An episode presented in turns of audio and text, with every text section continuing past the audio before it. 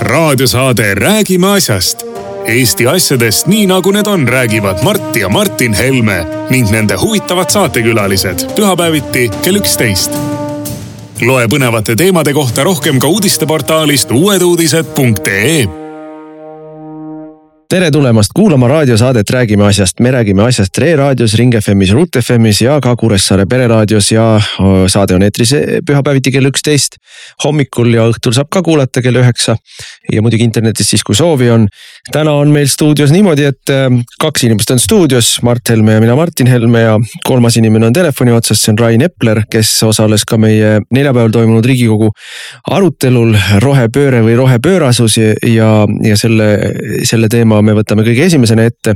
aga saates räägime veel ka Märt Avandi näite puhul Eesti õigusriigi olukorrast ning äh, vihakõne korpusest, mida arendab äh, isamaalasest vihakõne tuvastamise korpusest Eesti Keele Instituudis, millele annab raha ja annab töösuuniseid isamaalasest minister Tõnis Lukas. aga asume kõigepealt siis äh, rohepöörde teema juurde meil on ähm, äh, kõikidel riigikogu fraktsioonidel võimalik teha siis riigikogus arutelu nimega olulise tähtsusega riikliku küsimuse arutelu. kus siis on ettekanded ja küsimused-vastused ja kõned ja ega seal midagi ei otsustata, aga vähemalt riigikogu saalis räägitakse asjad ära. Ja seda saavad inimesed jälgida ka, saavad ka tagantjärgi vaadata. ja meie võtsime ette siis selle rohepöörde, sest et meil on väga äh, selge ju, et me libiseme mingisugusesse täiesti düstoopsesse maailma kus äh, noh, mingisuguse teatava iseenesestmõistetavusega seletatakse meile, et peabki vähem liha sööma, peabki vähem autoga sõitma, peabki külmemas korteris elama. aga mis see põhjus on või kas see tegelikult on vajalik, seda noh, juba kõik arvavad, et me oleme sellega leppinud. mina arvan, et me ei peaks olema sellega leppinud ja me tahaks nagu kuulda, et äh, mis see põhjus on. Rain, sul oli ka ettekanne sinu ettekande minu meelest põhiiva, vähemalt mis mind kõige rohkem kõnetas seal oli see, et äh, alati juba vanad roomlased küsisid cui bono ehk kellel kasud sees on ja sa sellest cui bonost rääkisid. aga võib-olla sa tahad veel mingitele muudele oma sõnavõtu äh, siis äh, aspektidele ka tähelepanu juhtida? ja aitäh ja tere. just nimelt, ma püüdsin välja joonistada selle, et kes ja millisel moel sellest pöörasusest kasu saab ja võib-olla, kui tulla sinu sissejuhatuse juurde, et ähm, meil on ju rohkem kui kümme aastat kindlasti, pigem paarkümmend aastat ülemaailmselt köetud üles teatavat paanikat ja hirmu. E, ja, ja see üleskütmine on olnud piisavalt edukas, et nüüd siis hakatakse sellele hirmule või hirmu põhjustele lahendusi pakkuma ja, ja noh, tegelikult juba pakutakse aktiivselt ja, ja samal ajal noh, see kõik on toimunud sellise kampaania ja loosungite korras ja, ja nagu ka paljud teadlased on erinevates kontekstides, aga ka selles kliima kontekstis tähelepanu juhtinud, et, et noh, teaduses tegelikult põhiline ei ole konsensuse otsimine, vaid põhiline on ikkagi noh, meid ümbritseva uurimine ja, ja sellest järelduste tegemine, hüpoteeside püst, püstitamine ja püüd neid ümber lükata, aga vot kui me nüüd räägime, eks ole, sellest kliimateemast, siis siin tegelikult äh, toimub äh, aktiivne ja jõuline kriitika mahasurumine ma usun, et äh, võib-olla te ka selle nurga alt käsitlete seda kolmandas plokis, et eks ole, kui me jõuame siin vihakõne juurde. ja, ja alati, kui teaduses toimub selline asi, et kriitikutele ei anta sõna, noh, siis see võiks olla esimene ohumärk kõikidele inimestele. ehk et ja kui veel sinu sissejuhatuse mm, teisest aspektist haarata, et noh, ütleme selle üle, mis toimub ja mis on mille põhjused, võiksime me isegi arutada ja, ja ma arvan, et ka meie tiib, ütleme niimoodi, konservatiivne tiib maailmas oleks valmis selle üle arutama, aga meil ei lasta sellel arutelul tekkida, ei lasta äh, teistel arvamustel kõlada. ja kui me nüüd jõuame jah selle juurde, mis minule paistab, siis see tegelikult paistabki ühe suure sellise ülemaailmse äriprojektina. ja noh, näha on, et tegelikult on võimalik sellega kindlasti ülikasumeid ja palju raha teenida aga teenida seda viisil, kus äh, suur hulk inimesi peab kõvasti koomale tõmbama ja, ja kusagile väikesele kildkonnale jällegi koondub tohutu võim ja raha. et äh, noh, ma lühidalt markeerin siin ka ära, et mina lisandasin seal kolm seltskonda. üks seltskond on siis sellised inimesed, keda ma nimetasin radikasotsidest, see radikasotsideks ja siis see radikas tähendas seal nii radikaalsust, aga ka radiaatoreid ehk et need on inimesed, kes, kes hüüavad kaasa selle taevas kukub alla loosungiga, aga hüüavad tegelikult sellepärast, et selle tegevuse käigus kuidagi endale tagada mingi positsioon, mis nende enda isiklikku heaolu suurendab. aga teiselt poolt nad ise, noh, kasvõi oma isiklikus tegevuses eh, ei käitu sugugi nende loosungite järgi, nagu nad teistel inimestel teha soovitavad, olgu see liha söömine, ruumide jahedamaks eh, tegemine või muud üleskutsed, siis eh, noh, me näeme neid inimesi mm, väga peentel konverentsidel, pidulikel õhtusöökidel hea meelega kvaliteetset steiki vitsutamas, aga näeme neid ka läbi ajakirjanduse istumas oma jahedas kabinetis elektriradiaatori kõrval, sest neil ju ometi peab soe olema. Et äh, see on üks seltskond, aga ma arvan, et äh, nemad on sellised kaasajooksikud. seda asja juhib seltskond, kes äh, koosneb, ma arvan, tarkadest inimestest, tarkadest inimestest, aga küünilistest inimestest, kes tegelikult huvituvadki ainult sellest rikkuse ümberjagamisest ja rahast ja kes nüüd selles rohepöördes on noh, haistnud head võimalust ähm, enda tulusid maksimeerida. Ja, ja seal nüüd äh, küll meile räägitakse palju keskkonnast hoolimisest ja maailma päästmisest, aga tegelikkus on see, et äh, noh, kasvõi kui me võtame siin äh, kogu maa või kogu maailma elektrifitseerimise, mida meil siin esitletakse kui midagi tohutult loodusesäästlikku, et lähme kõik elektriautode peale, viime kogu tööstuse üle elektrile aga teiselt poolt viime elektri tootmise taastuvenergiaallikatele, siis millegipärast ei jõua püünele, ei jõua ajalehtede esikaantele äh, nende teadlaste lood, kes ütlevad, et meil mingeid tooraineid, mingeid ressursse ei pruugi üldse jätkuda maakeral. Äh, aga, aga isegi kui need teoreetiliselt jätkub, siis nende kättesaamine, kaevandamine, ümbertöötlemine on sellise negatiivse keskkonnamõjuga, et see iseenesest eh, noh, mõjutab maailma ja meie loodust ja meie keskkonda negatiivses suunas eh, noh, väga märkimisväärselt ja mina julgen öelda, et ka ohtlikult, et, et eh, need kordajad, mis näitavad meile, kui palju ühe või teise materjali vajadus kasvab, on väga suured, kui võtta siin ütleme vajalikud materjalid kokku ühtse kogumina, siis see noh, on kuus-seitse või rohkem korda. kui tahetakse realiseerida neid nii-öelda kliimaneutraalsuse plaane, aga üksikute mm, tooraine elementide osas võib see olla mitukümmend äh, ja rohkem korda. ja veel teine selline häiriv ja ohtlik aspekt selle juures on, et äh, kõik need lahendused, mida siis ehitatakse, et nende eluiga on noh, heal juhul paarkümmend, kolmkümmend aastat, mis tähendab seda, et äh, täna müüakse meile mingisugust noh, ma ei taha öelda lahendust, sest tegelikult ei ole, ei ole teada, mida lahendatakse ja ka, ja kas see siis on lahendus, aga ütleme, meile müüakse mingisugust paketti, mingisugust näilisust jälle ja öeldakse, et teeme nii. Need, kes teevad, teenivad selle pealt hulga raha. see toob kaasa väga suure keskkonna jalajälje. noh, kui me Eestit vaatame, siis Eestis tõesti mitte ja suures osas Euroopa Liidus ka mitte. Aga need äh, kliimavõitlejad ju ise armastavad rääkida maakerast kui ühest süsteemist. ei ole kindel, et Eestis mitte, näiteks toome näite sellest samast äh, tuulikuparkide tegemisest, et äh, mida meil ka seal vestluse käigus välja tuli ka pärast küsimuste-vastuste raundis kui tänasel päeval inimesed on marus selle peale, kuidas aetakse asja Nursipalus ja kui inimesed meenutavad, milline oli nende ärriti-, ärrituvus siis, kui aeti tselluloositehase asja Tartus siis äh, need on ainult väikesed, äh, see on leebe lõunatuulekene võrreldes sellega, mismoodi meil hakkab planeeringuprotsess välja nägema tuulikute tegemisel, sest et äh, plaan on ikkagi teha terve Eesti tuulikuid täis ja siin on nagu väga oluline nüanss, mille, mille sa ka tõid välja Taavi Veskimägi, Eleringi juht on otse välja öelnud, avalikult välja öelnud, et Liivi lahe tuulepark, mis on nagu tegelikult terve meri, on mingid neljasaja meetriseid koletisi täis, eks ju. ei ole plaanis ära ühendada Eestiga. see tähendab, see elekter hakkab minema seal, äh, ma ei tea, Saksamaale või Poolasse või kuhu iganes ta sealt läheb, Rootsi. Äh, ja äh, samal ajal Eesti maksumaksja hakkab seda elektrit subsideerima, pöörases koguses subsideerima, ehk meie hakkame maksma peale sakslastele mineva rohelise elektri eest saamata ise seda elektrit, aga selle eest saades endale Liivi lahetäie kohutavaid loodust kahjustavaid koletisi. betoon ja metallkärakaid ja nõus sedapidi, ma keskkonnakahju mittetekkimise all pidasin silmas nüüd nende tooraine vajaduse rahuldamise läbi keskkonnakahju tekkimist, eks ole. nojah, vanaadiumi kaevandust. aga kui me vaatame tervikpilti, siis jah, ma olen nõus, et äh, mitte eriti utreerides võib ju öelda, et kui see plaan nii Eestis, Euroopas kui ka laiemalt ellu viiakse, et läheme tuule ja päikese peale, siis see maakera võib peaaegu selline välja näha, nagu kirjeldab, minu arust oli see Issaak Assimov oma, oma ulmetriloogias, et, äh, et maale lähenedes oli kosmoselaevast näha siis metalli, klaasi ja betooniga kaetud kera.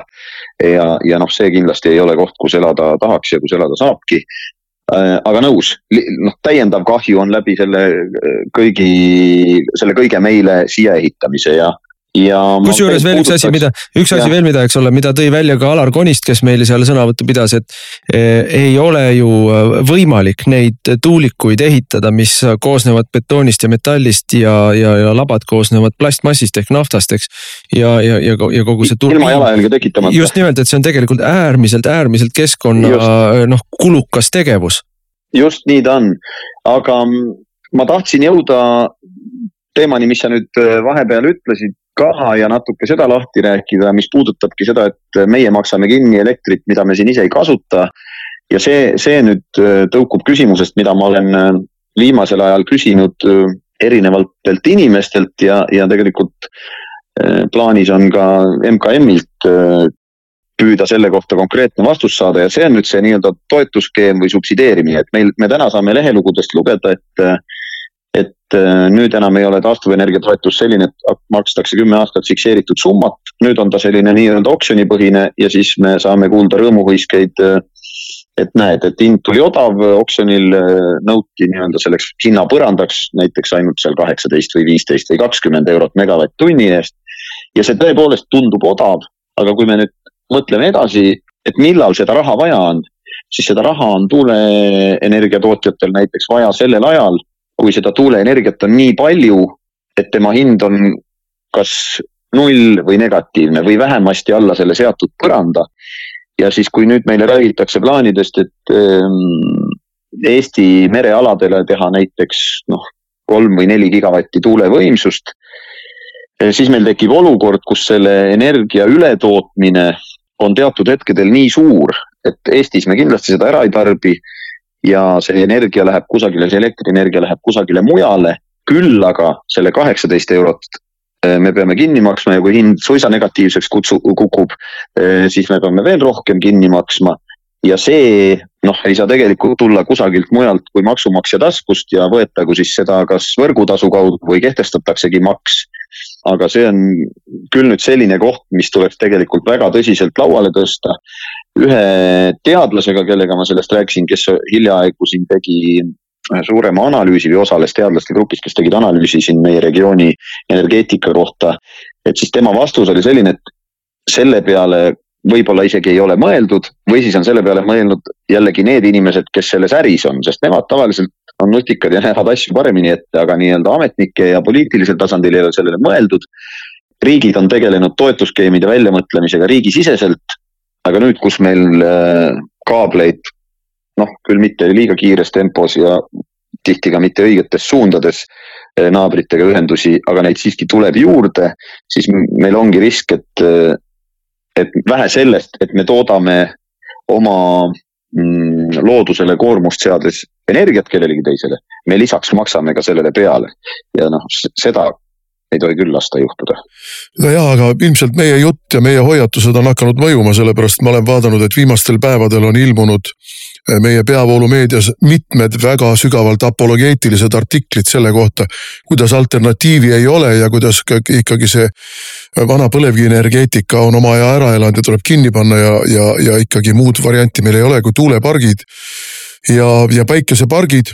aga äh, ma tuletaks meelde, Martin, sina vist seal äh, arutelul oma ettekandes tõid välja, ka need vanaadiumi ja, ja igasuguste muude haruldaste metallide eh, kogused, mida läheb vaja siis nende utoopiliste eesmärkide täitmiseks. ja kui mitmeid tuhandeid aastaid praeguse tootmistempo juures eh, nende kaevandamine nõuaks. et noh, tegelikult meid petetakse, tegelikult meile valetatakse, tegelikult on Eesti valitsus vabatahtlikult asunud äh, suurkorporatsioonide ja suurriikide, noh Euroopa kontekstis eelkõige Saksamaa teenistusse ja on täiesti rahumeelselt nõus sellega, et vaene Eesti inimene maksab kinni rikka sakslase tulevikus ka talutava hinnaga elektri ja Eesti rahvas närigu muru ja, ja olgu nõus sellega, et tema keskkond on nii visuaalselt kui muul moel äh, reostatud ja ärgu kobisetu. ja noh, me tuleme selle vihakõne teema juurde. see on ka seotud sellega, et ei oleks võimalik enam sellele ka vastu kobisema hakata. aga, aga ma tahan muidugi öelda veel, et siin keegi vandeadvokaat kirjutas artikli, kuidas EKRE tahab jälle loomulikult Eestit viia äh, Moskva tiiva alla sellega, et ta on roheenergeetika vastu. Eh, mina ütleksin niimoodi eh, ja, ja et põhjenduse tõi see, et me oleme ühinenud Pariisi kliimakonventsiooniga ja mis need veel siin on, mhm. Tokyo ja ja, ja muud, et kui me nendest lahkume, siis me oleme endale võetud rahvusvahelised kohustused üle parda visanud. absoluutselt ei vasta tõele. see on kõige ehedam vale ja kui vandeadvokaat, kes juriidiliselt peaks olema kirjaoskajam inimene kui mina, ei saa sellest aru, siis on see kuritegelik desinformatsiooni levitamine. me mingi Pariisi kliimakonverentsil antud eh, allkiri ei kohusta meid mitte millekski. see on, see on lihtsalt üks tühi deklaratsioon, millega kõigele lisaks vähemalt kaks kolmandikku maailma riikidest ei ole eh, ühinenud või kui on ühinenud, siis mitte mingisuguseid seal kirja pandud äh, asju ei täida. just, ma tahtsin ka seda öelda, et meie, meie noh, ütleme kaaslased siis äh, partnerid, äh, teised riigid Euroopa Liiduski noh, kes on sinna ka allkirju ladunud ja kes meid, eh, kui allkirjastamise hetk on, eh, noh, inimesed lähevad kaamera ette, ette on hästi rõõmsate nägudega ja kujutavad iseendale ette, et küll nad nüüd tegid suure ja hea asja. aga noh, aasta pärast ju tõdetakse, et keegi pole eesmärke täitnud või, või on täitnud kordades vähem, kui ta iseendale kohustusi võttis. ja teine aspekt, et ma isegi ütleme ühelt poolt nõus, et Eesti on muutumas ja kas ta vahepeal sellest lõplikult välja ongi rabelenud selliseks jälle nagu koloniseeritud maaks, mida noh, mis on ressursiallikas teistele. aga, aga mul on tunne, et siin eh, võib ka noh, nii olla, et ka Saksamaa valitsus on andnud eh, ohjad mingisuguse noh, ütleme siis selle globaalse korporatsiooni kätte ja tegelikult enam ei juhi hästi seda mängu, et, eh, et jah, mulle tundub, et siin on poliitikud äh, üle erinevate riikide niimoodi ära tinistatud, et, äh, et joostakse hokki. aga noh, meil, meil ei ole vaja ju kaugele ajalukku minna, et näha ku,, kuidas sellised asjad tekivad ja et maailm tegelikult on lihtsam, kui ta kohati näida võib, et kui me mõtleme rohestamise imelast veel siin ütleme aasta-poolteist tagasi Saksamaad siis tegelikkus ju sel-, noh, ilmnes meile üsna kohe peale Venemaa suurt sissetungi Ukrainasse möödunud aastal. kui selgus, et tegelikult see rohestamine on olnud üks muinasjutt, tegelikult ehitati asi üle Vene gaasile.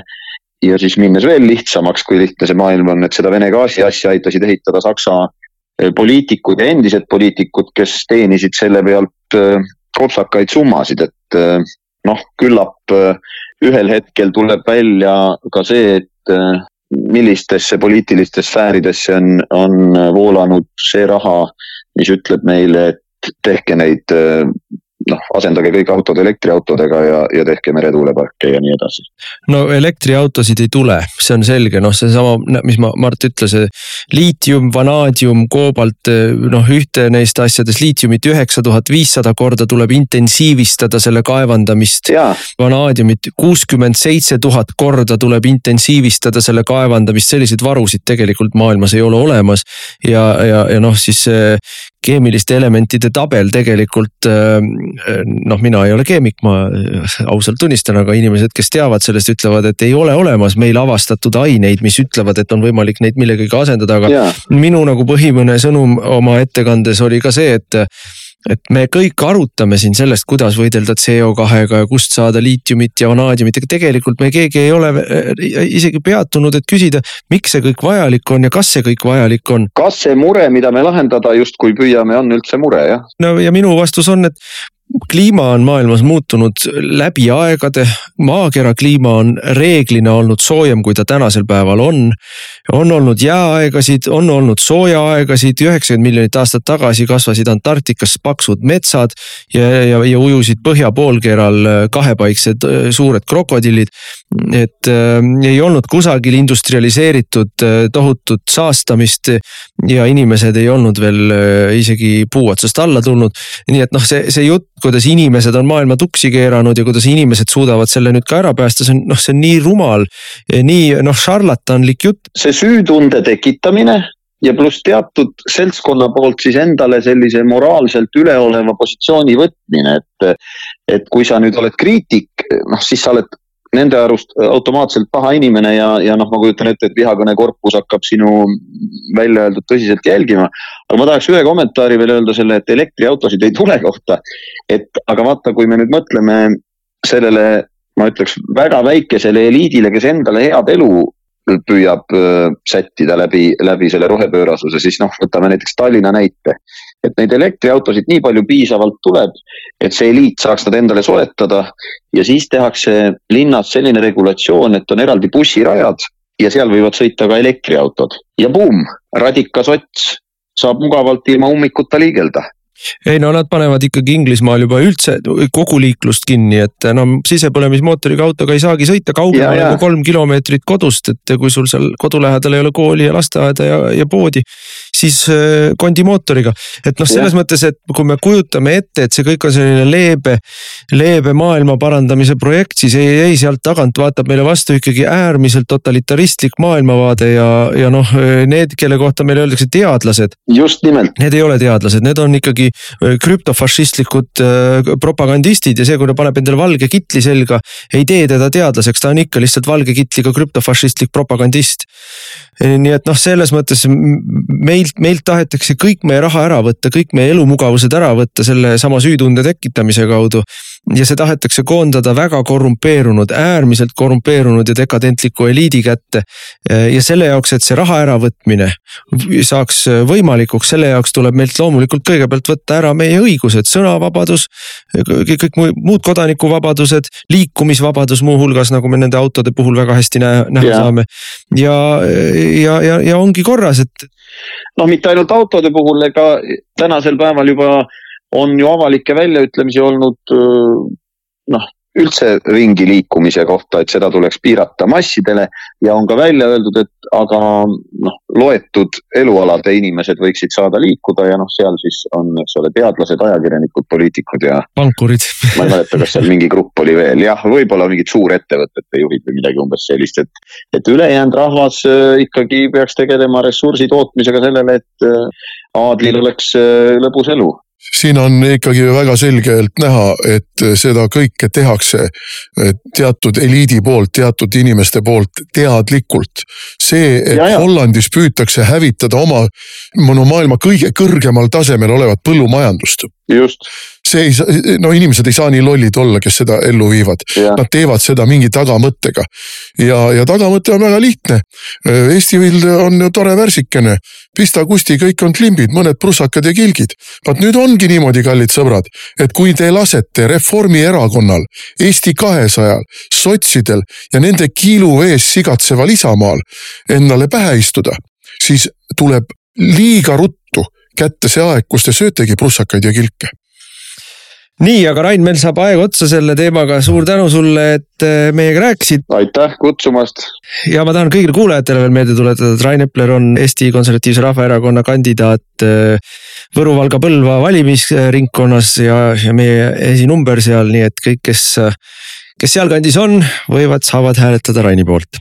EKRE kutsub Martin Helme suur valimisturnee Päästame Eesti. Ehk kuidas päästa meie maa vaesusest, sõjast ja Reformierakonna kägistavatest kätest. tule kohtumisele Eesti järgmise peaministriga. neljateistkümnendal veebruaril kell kaheksateist Rapla kultuurikeskuses, kuueteistkümnendal veebruaril kell kaheksateist Tallinnas Mustpeade majas, kaheksateistkümnendal veebruaril kell neliteist Jõhvi kontserdimaja kammersaalis, kahekümne kolmandal veebruaril veebruaril kell seitseteist Hestia hotell Strandi Jurmala saalis. vaata lähemalt EKRE.ee. raadiosaade Räägime asjast. Eesti asjadest nii nagu need on, räägivad Mart ja Martin Helme ning nende huvitavad saatekülalised pühapäeviti kell üksteist loe põnevate teemade kohta rohkem ka uudisteportaalist uueduudised.ee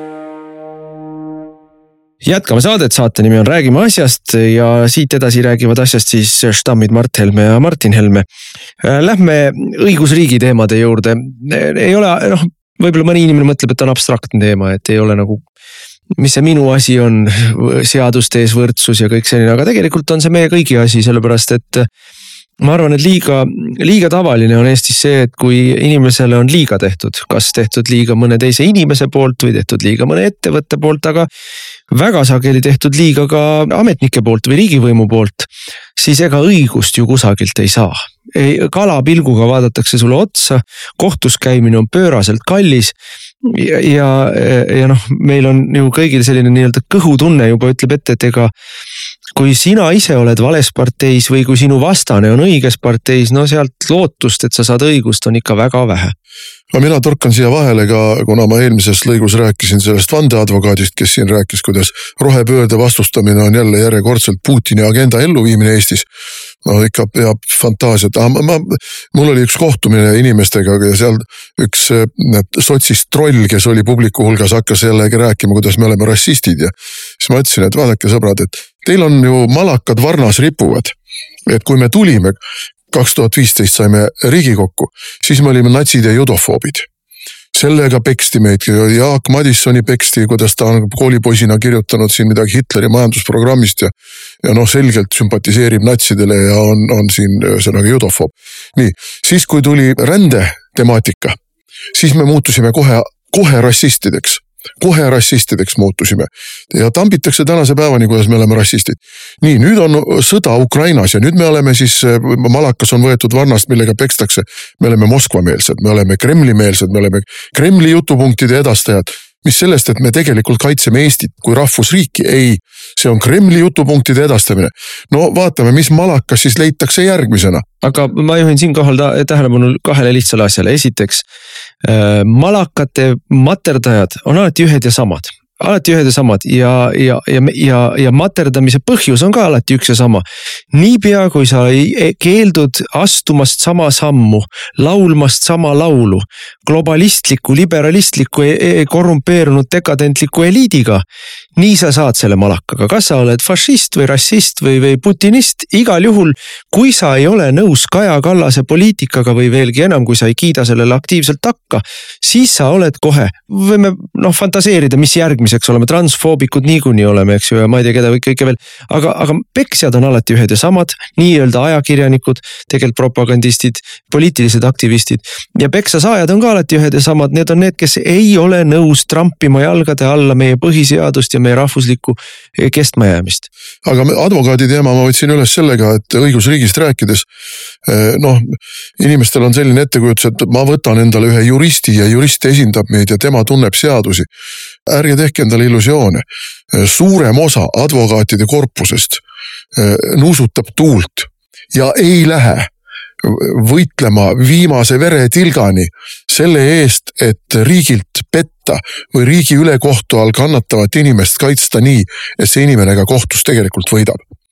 Nad oskavad nii hästi liigutada pabereid, teha järjekordseid mingisuguseid kirju, sest et loomulikult iga kirja tegemine tähendab ju seda, et sa pead talle maksma selle eest. Iga mingisugune kohtus käimine, kus ta sind esindab, iga tund maksab.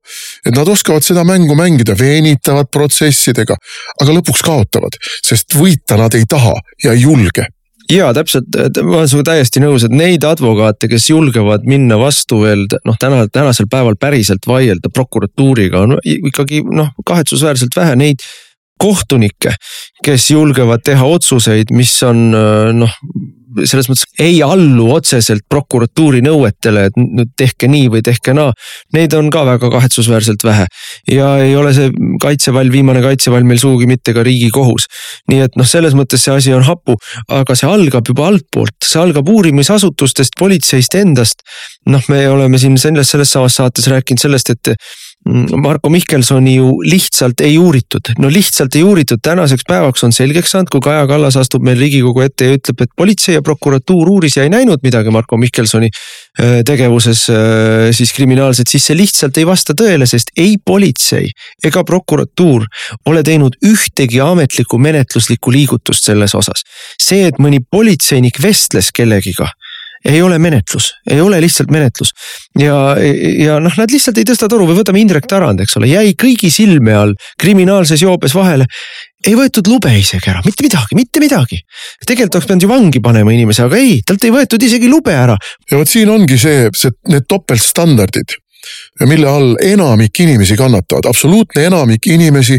Nendega võib riik teha, mida tahab, vot riik peab ennast kehtestama, no meenutame ikka memcafe'd ja, ja seda, mismoodi seal kiusati. bussitäite kaupa oli politseinike kohal, koerad, teleskoopnuiad eriüksuslased, jumal hoidku, kujutad sa ette, kujutad sa ette, keegi küsi, ütles sest..., et mina ei küsi koroona mingisugust passi.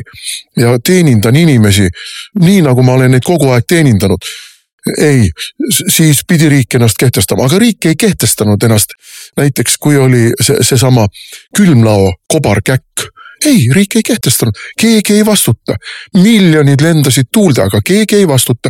aga kujutad ette, keegi müüs saiakesi ja vot seal oli vaja nuia anda ja koerad kallale ässitada. ei no aga seesama ennast kehtestav riik saatis dialoogipolitsei Narva tanki juurde ja pronkssõduri juurde, dialoogipolitsei, siis teadis küll Elmar Vaher, et politsei on rahvaga üks ja peab inimestega mõistlikult rääkima ja konflikti hoi-, konfliktist hoiduma aga kui oli vaja koroonarežiimi kehtestada, siis ikkagi tank saabastega sõideti näkku sulle. nii et ja, ja nüüd me näeme järgmist näidet ja see on Märt Avandi juhtum. Äh, noh, ma tema talendi kohta ei ütle ühtegi halba sõna. käisin, viimane teatrielamus, mis mul üldse on, on paar aastat tagasi, kui ma käisin teda Pärnu teatris vaatamas. aga noh, tegelikult ju inimene ütles otse välja, et tema ostis aastaid ja aastaid Eestis äh, karmilt keelatud, rangelt keelatud narkootikume. kas politsei võttis ette midagi, et küsida, kes su diilerid olid või kes veel? politsei vestles temaga politsei no, vestles temaga. vaat meil ongi nüüd kujunenud välja selline asi, et kui politsei on vestelnud, siis ongi kõik nagu korras. ja noh, teine silmamoondus, mis meil on, on see, et kui, kui siis noh, nagu me nägime Liina Kersna puhul politsei algatas kriminaalasja, aga ei leidnud kuriteo koosseisu ja lõpetas selle.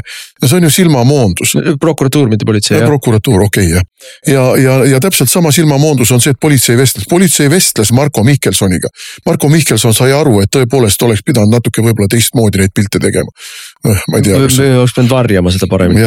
aga. ja, ja, ja täpselt sama on praegu selle Märt Avandi puhul, no aga Märt Avandi puhul on ju selge, ta on ju EKRE-t sõimanud varem ma olen ise. korduvalt ja. ise korduvalt sattunud peale, kus ta on meid hukka mõistnud ja, ja meid liigitanud, noh poliitika kõlbmatuks seltskonnaks äh, muidugi. ei no õige pool, õiged seisukohad, õiged seisukohad, tema on, tema on selle nii-öelda režiimi, äh, režiimi vaatepunktist väljendab ennast õigesti ja kui sa režiimi vaatepunktist väljendad ennast õigesti, näitad truudust režiimile, siis põhimõtteliselt sulle seadused ei pruugi kehtida kui sa oled piisavalt tubli. ja, ja kui sa režiimi vaatepunktist ei väljenda ennast õigesti, siis on täpselt nii nagu Stalini ajal. on inimene, leiame paragrahvi ja, ja noh, see see on noh, niisugused riigid, vot esi, esimene asi, mis tuleb öelda, et selline riik ei ole demokraatlik riik. et noh, siin ei ole demokraatia võimalik, noh demokraatia tähendab seda, esimene demokraatia noh, lahutamatu osa on see. see on muide ka põhiseaduse rikkumine. just nimelt, et inimestel on võrdsed õigused, et, et kui noh, kui mina ja sina ei tohi tohi purjus peaga autoga sõita või kokaiini tarvitada või alaealistest lastest pilte teha, siis ei tohi seda teha ka ei Marko Mihkelson, Indrek Tarand ega Märt Avandi, eks ju. et aga, aga meil ei ole, meil on kahe nii-öelda kahetasandiline õigusemõistmine, kus õigusemõistmine ei sõltu mitte sellest, mis sa teinud oled vaid sellest, mis su seisukohad on või kes sa oled. ja no see, see selline ei ole, ükski demokraatlik süsteem sellisele asjale vastu ei pea. ei no aga mille poole me liigume, me kolmandas plokis räägime nüüd sellest vihakorpusest, aga, aga me selle poole liigumegi, et seda olukorda, kus õiged on puutumatud Nendele ei laiene ei põhiseadus ega, ega karistusseadus ega ükski muu seadus. sest et nad on nii-öelda omad, nad on kaitse all. Nad võivad äh, narkootikumidega vahele jääda või ise üles tunnistada, et kümme aastat tarbisin narkootikumi, näed. tuhat viissada eurot kuus läks nark narko peale mul ära. kõik räägib ilusti-kenasti avalikkusele lahti ja politsei lihtsalt vestleb temaga.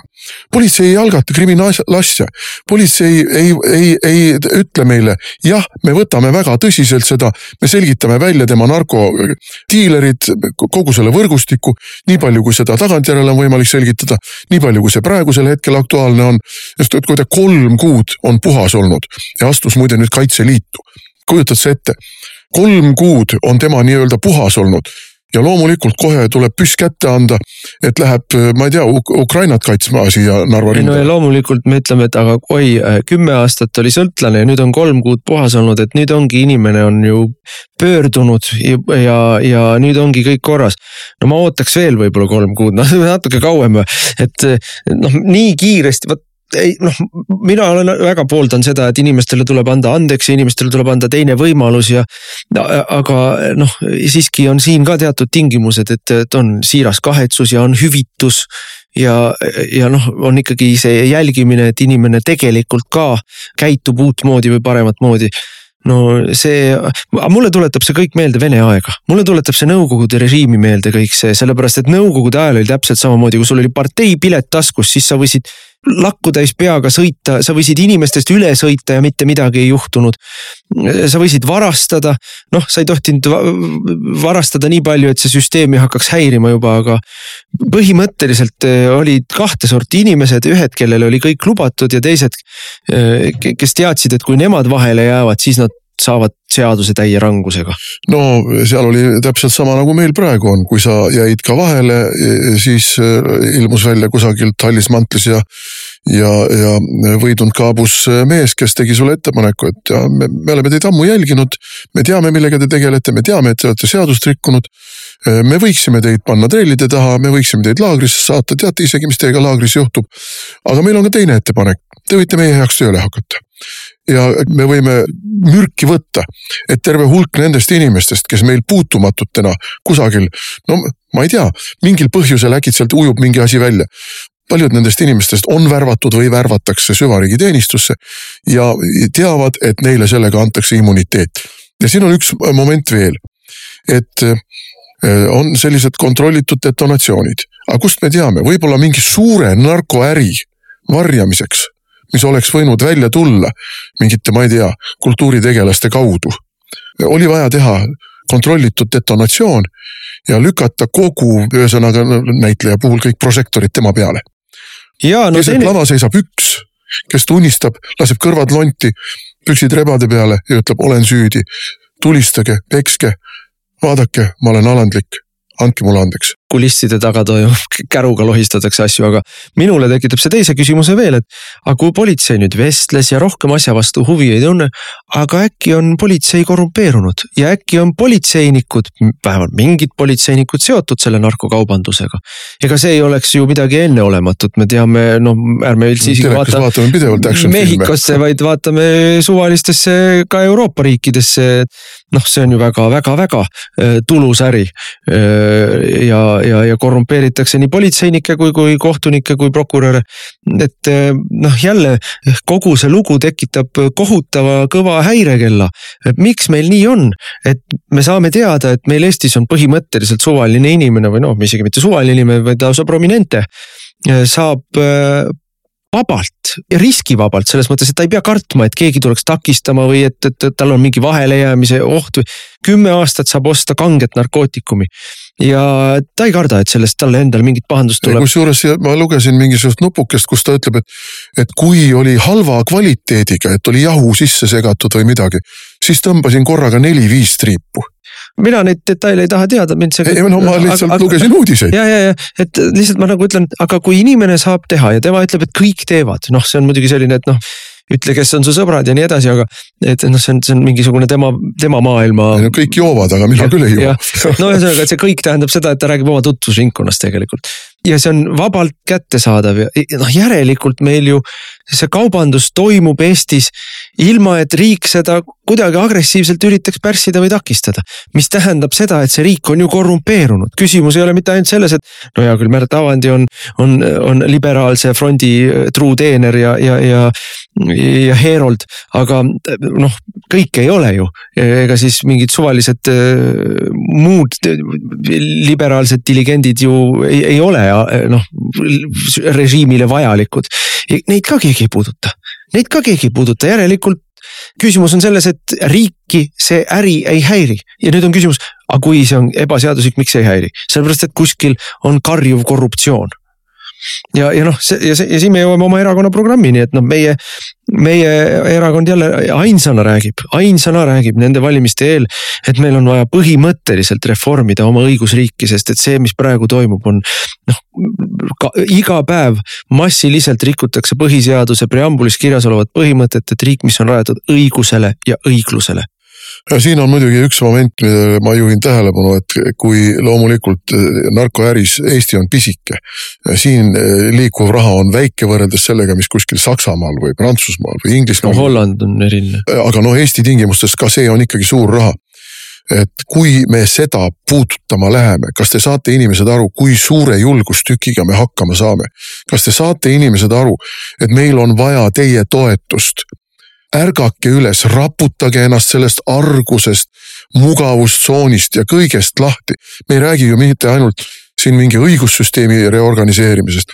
me räägime ka heaolu tagasitoomisest, hindade langetamisest, riigikaitsest, kõikidest nendest asjadest. me läheme ju maffiale kallale. me läheme ju reformierakondlikule liberaalsele maffiale kallale no läksime kallale ka rahapesu teemal ja noh, elu lõpuni kindlalt väidan seda, et üks põhjus, miks meie valitsus kukutati, oli see, et see rahapesu uurimine edenes. ja see oli vaja lihtsalt kiiremas korras ära lõpetada, et loomulikult seal põhjuseid oli teisigi. käisin ka siin, noh, mul on usinasti käin ringi praegu mööda Eestit ja, ja, ja, ja ka oma valimisringkonnas kohtun inimestega, noh räägin inimestega sõna otseses mõttes inimestega tänavalt erinevaid küsimusi ja erinevaid jutte räägime ja noh, üks inimene ütleb, et ei noh, teie ikkagi valitsus ju kukutati või noh, kukkus sellepärast, et te ikka kogu aeg tegite skandaale. ma ütlesin, et no, et kuidas te küll aru ei saa, et valitsusele tehti neid skandaale sellepärast, et meil olid teised teemad, mis olid nii kriitilised, et alates seesama rahapesu uurimine, siis oli Estonia uurimine, siis oli e-valimiste auditeerimine, mis lõpuks ometi pärast seda, kui nad olid meil rajalt maha võtnud kolm ministrit, IT-ministrit Äh, jõudis sinnamaani, et me hakkasime seda auditeerima. Äh, ja, ja loomulikult ka abielureferendum, noh, kõik need asjad olid seal ja noh, ja ega keegi ju ei ütle, ka refikad või keskerakondlased või, või keegi ei ütle, et jaa. me tõmbasime valitsuse siruli sellepärast, et me ei, me tahtsime takistada rahapesu uurimist või, või Estonia uurimist. ikka tuleb rääkida, et kujutage ette, mida Mart Helme ütles homode kohta Rootsis jooks, jooksmisega. või, või, või ma ei tea, NATO plaan B kohta või.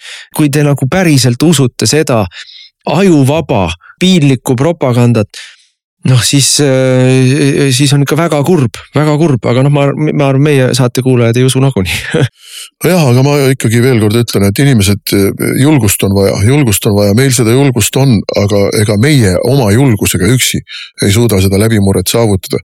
et kui me tahame ikka, et Eestist saab normaalne riik uuesti, nii nagu ta minu arvates oli üheksakümnendate aastate keskel veel.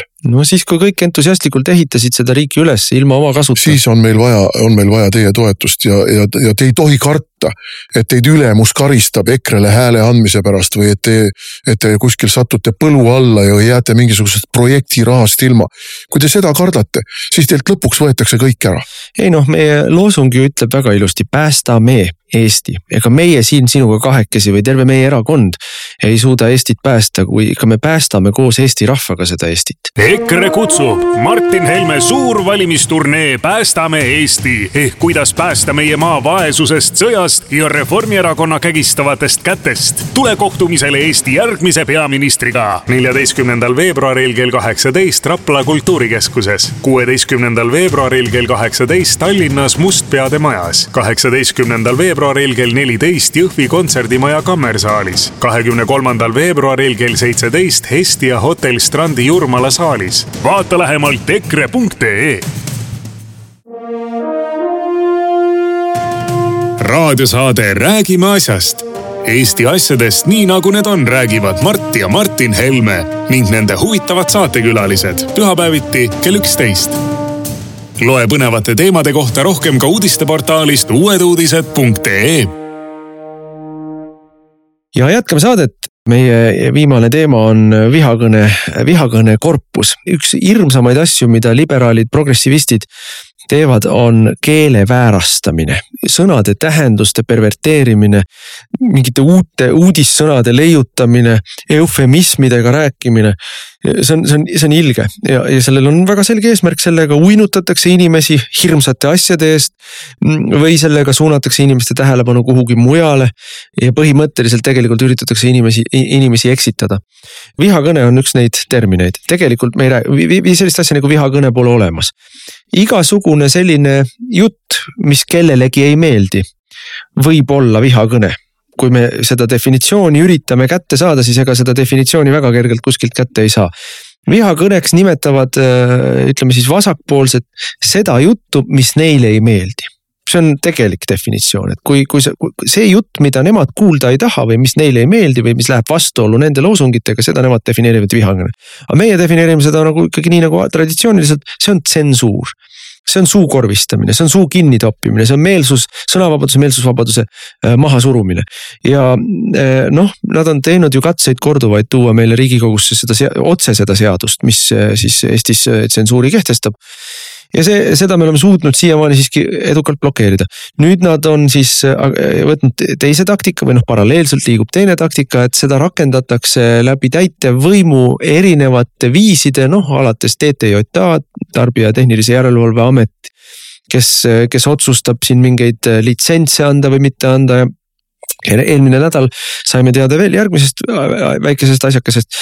Ähm, Eesti Keele Instituut, mis on äh, haridus, haridusministeeriumi alluvuses olev äh, siis asutus, mille algne mõte oli tugevdada, edendada, kaasajastada, populariseerida eesti keelt tema noh, seesama instituut andis välja meil õigu, õigekeelsussõnaraamatuid, võõrkeele leksikon ja nii edasi aga noh, seal on äh, kultuurimarksistid on ka selle institutsiooni üle võtnud mm, ja tegelikult äh, töötavad seestpoolt vastu sellele algsele eesmärgile, tegelevad nii-öelda eesti keele liberaliseerimisega, kirjakeele reeglite massilise lõdvendamisega, populariseerivad seda, et eesti keelt ja kirjandust tegelikult ei olegi vaja, et meil on siin ju maailmakeel ja kirjandus ja ja nüüd neil on siis uus projekt, nemad hakkavad tegema tehisintellekti arendamisega, mis tuvastab vihakõne internetis või noh, üldse kogu siis meedias ja kui kellelegi tundub, et ah, mis sellest ikka on, et mingi masin käib kommentaariumites ja vaatab, loeb artikleid ja otsib sealt ülesse sõnu, mida ta siis liigitab vihakõneks, et mis sellest ikka on, siis äh,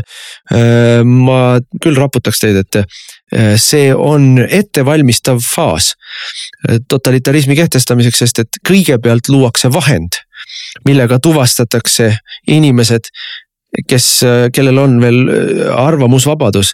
ja kui see vahend on loodud, noh siis, siis on võimalik neid inimesi juba sundida vaikima palju lihtsamini aga see ongi eesmärk, see ongi eesmärk ja äh, mina olen enda käest küsinud ikka, et aga millal läks see, millal läks see lääne tsivilisatsioon lolliks? ja siin on kaks asja, siis kui Ameerika Ühendriikides sai presidendiks Bill Clinton laitmatu liberaal, korruptant ja peale selle veel ka no seal on ju on ju toimunud uurimisi Ameerika Ühendriikides tema mustade tegude, aga kõik, kõik nii nagu me siin just arutasime, kuidas Eestis on puutumatud ja kõik mätsitakse kinni ja midagi välja ei tule. nii ka seal, kõik tema kahtlased tehingud, kõik tema naisafäärid, välja arvatud Monika Levinski lugu, vaikiti maha. kusjuures tema oli veel naisepeksja ja on konkreetsed naised, kes oma näo ja nimega tunnistasid, et ta oli peksis neid ja ei juhtunud mitte midagi, ei mingit me too'd temale ja Bill Clinton andis kogu sellele liberaalsele kultuurimarksistlikule agendale esimesena täieliku rohelise tee ja sealt peale on see siis kruttinud kogu aeg. noh, vahepeal olid mõningad tagasilangused, siin vanem Bush mingil määral tõmbas pidurit, noh ühiskond pidi küpsema. sest kultuurimarksistlik propaganda ülikoolides ja ajakirjanduses jätkus ju. ja noh, Trumpi aeg oli nende jaoks muidugi ra raske aeg. aga noh, Trump õnnestus ka kukutada ja, aga mis on paralleelselt? paralleelselt on toimunud see, et on toimunud uue tehnoloogia ehk siis noh, nimetame tinglikult arvutitehnoloogia võidukäik. nutitelefon, telefonid, äh, kogu internet, kõik need Yahoo'd, Youtube'id, Facebook'id. kõik need on andnud hiilgava võimaluse süvariigil tungida meile absoluutselt igasse elusfääri, koju, tööle meie sõpruskonda, meie asjades, asjade sisse, mida me tahaksime sügavalt privaatsetena hoida. olgu need meie suhted lastega, olgu need meie suhted abikaasadega, no mõnidatel puhkudel võib-olla ka armukestega, meie sõpradega meie poliitikutest mõttekaaslastega. süvariiki nende kaudu on meile igale poole roninud kõrva, pähe, silma, suhu ja, ja, ja, ja saanud meie üle sellise võimu. ja nüüd ongi siis see võim vaja konverteerida seadusandluseks ja terve ühiskond allutada totalitarismile. ma toon näite, sellest ei ole ju piisavalt palju ei räägita ega kirjutata, sest see ei ole skandaal mingil põhjusel. Hiljuti nägin väikest uudisnupukest, ma ei mäleta enam, millise noh, kuskil inglisekeelses eh, internetiavarustes, kuidas on tuvastatud kaks asja. et eh, Hiina kiipidega külmkapid Hiina luure kuulab külmkappide abil inimesi kodudes pealt. sest noh, meil on nii-öelda nutikülmkapid, mis räägivad sinuga ja võtavad tellimusi vastu. ja täpselt samamoodi tuvastati, et ju, ju äh, seda tunnistasid sakslased ise, et saksa autod, kus on siis see hands-free või, või käed vaba telefonisüsteem ka mitte lihtsalt ei kuula pealt, vaid ka salvestasid jutte autodes ja et neid jutte sai äh, noh, siis nii-öelda kolmandad osapooled ehk noh, on viisakas ütlemine selle kohta, et tegelikult on need ju luured said neid jutte siis äh, kuulata. ehk siis auto, külmkapp, rääkimata sellest, et kui sul on laptop või telefon lähedal, kus on ju ka mikrofonid ja võrguside sees. tänapäeval nutiteleviisorid kõik kuulavad sind pealt kogu aeg ja kõikidesse, kõik, millel on, no seda ütlevad kõik infoturbe inimesed, et kui on mikrofon ja kui on võrguühendus siis on põhimõtteliselt võimatu sul olla kindel, et keegi kolmas sinna sisse ei saa, et sa peaksid selle jaoks olema noh, ükski tavaline inimene ei ole võimeline seda turvamüüri äh, sinna laduma. eriti kui vastaspoolel on ikkagi põhimõtteliselt väga süstemaatiliselt järjekindel äh, asutus, kes tahab sind äh, kuulata pealt. et noh, see, see on, see on päris jõle, aga nüüd see EKI keelekorpus, noh, mis mind õudselt vihastas, oli see, millise noh, täieliku ükskõiksusega või, või, või noh, isegi üleoleva muigega Tõnis Lukas sellesse kõigesse suhtus, et, et mida te pabistate, mingisugune keelekorpus korjab kuskilt tekste kokku väike projektiraha, inimesed teevad tööd, mis teil viga on? no see on viga, et me oleme näinud, kuhu meid viia, tahetakse talutada ja see on osa sellest teekonnast ja, ja, ja, ja kui minister ei saa sellest aru, siis ta on kõlbmatu. kui ta saab sellest aru, siis ta on vaenlane, siis ta on vaba ühiskonna vaenlane ja mina ei tea, kumba Tõnis Lukas on, eks ta ole üsna, ega tema liiga palju tööd ei viitsi teha, aga, aga ma arvan, et ta saab sellest siiski aru. ei, aga no siin on äh, üks moment, millest needsamad Lukase taolised inimesed ei saa aru. Nad arvavad, et selle äh, vooluga kaasa minnes garanteerivad nad endale ka puutumatuse. eksite, kallid lukased, eksite, sügavalt eksite. nii, ega, ega läänes on ka õpitud on õpitud Ivan Groznõilt ja Stalinilt ja Maolt ja, ja Henry Kaheksandalt ja veel kellelt. et need, kes on oma töö ära teinud, need tuleb kõrvaldada ja teid kõrvaldatakse esimestena, isegi enne kui need, kelle vastu tegelikult need laiad rahvahulgad ja tavakodanikud, kogu see kontrollimehhanism ja seadusandliku raamistuse tegemine, et eranditult igal inimesel, kes osutub äh, jalgu jäävaks, oleks võimalik pea maha võtta, eranditult igal inimesel. selleks on vaja seda korpust ja tema poolt tehtavat tööd ja kui Lukas arvab, et tema, andes sellele rohelise tule, garanteerib endale helge tuleviku, siis ta eksib. tal lastakse must töö ära teha, Mooramaa mees on oma töö teinud, Mooramaa mees võib mooloki kõhtu minna. no ma, ma jälle tulen siin selle juurde, et meie erakond on ainus erakond, kes on platvormis kirja pannud ja kes on tegudega korduvalt näidanud, et. et me võitleme noh, tegelikult ikkagi väga põhimõtteliselt ja noh, siiski siiamaani ka e, üsna edukalt oleme võidelnud kogu selle tsensuuri ja, ja meelsuskontrolli. vähemalt ametliku kehtestamisega ja ka mitteametlikult noh ju seadust rikkudes, võimu kuritarvitades, nii nagu tehti siin koroona siis režiimi kehtestades võim ikka pressib edasi, aga vähemalt äh, ei, puudub neil selle jaoks äh, noh legitiimsus. Nad teevad seda seaduseid rikkudes. meil põhiseadus ütleb väga selgelt, et ametiisikutel ei ole õigust sekkuda inimeste eraellu ja, ja, jälgida inimeste tegevust ilma selleks seadusandlikku vormistust või kuida-, ma, ma ei mäleta, kuidas see täpselt on, ilma et noh, ühesõnaga see oleks vormistatud nii, nagu seadused ette näeb mis tähendab seda, et kohtud peavad andma loa ja, ja seda luba tuleb taotleda ja, ja see peab olema piiratud ajaks. see peab olema põhjendatud, miks, kas see inimene on ohtlik ühiskonnale, kas see inimene on ohtlik Eesti riigile ja nii edasi ja nii edasi. meil tegelikult seda ei ole, meil toimub absoluutselt massiline inimeste jälitamine ja pealtkuulamine, mis on kõige otsesem põhiseaduse rikkumine. ma ütlen veelkord, seda loomulikult varjatakse seda vormistatakse mingilt kohtult saadud ajutiste lubadega ja, ja noh. kohtule siis väga sageli lihtsalt otse valetades, nagu me oleme korduvalt tõestanud ja tuvastanud. täpselt nii, aga et see saaks legitimiseeritult nii, et see massilisus oleks kaetud seadusandliku paragrahvi rägastikuga, selleks on vaja kogu see korpuse töö teha ära niimoodi, et sealt siis juba liberaalsed juristid saavad lähteülesande. töötage välja meile need paragrahvid, mille alusel see kõik igapäevaselt kogu ühiskonna ulatuses, iga imiku ja iga rauga ulatuses oleks meil teostatav. no see, mida tegelikult ju igas ütleme siis kontrolliühiskonnas või sellises äh, võimule allutatud ühiskonnas äh, vaja on, vaja on tasalülitada äh, noh, üsna väike aktiiv nende, nendest inimestest koosnev aktiiv, kes hakkab vastu. ja need inimesed noh, tuleb tuvastada kõigepealt ja selle jaoks pannakse tööle masin.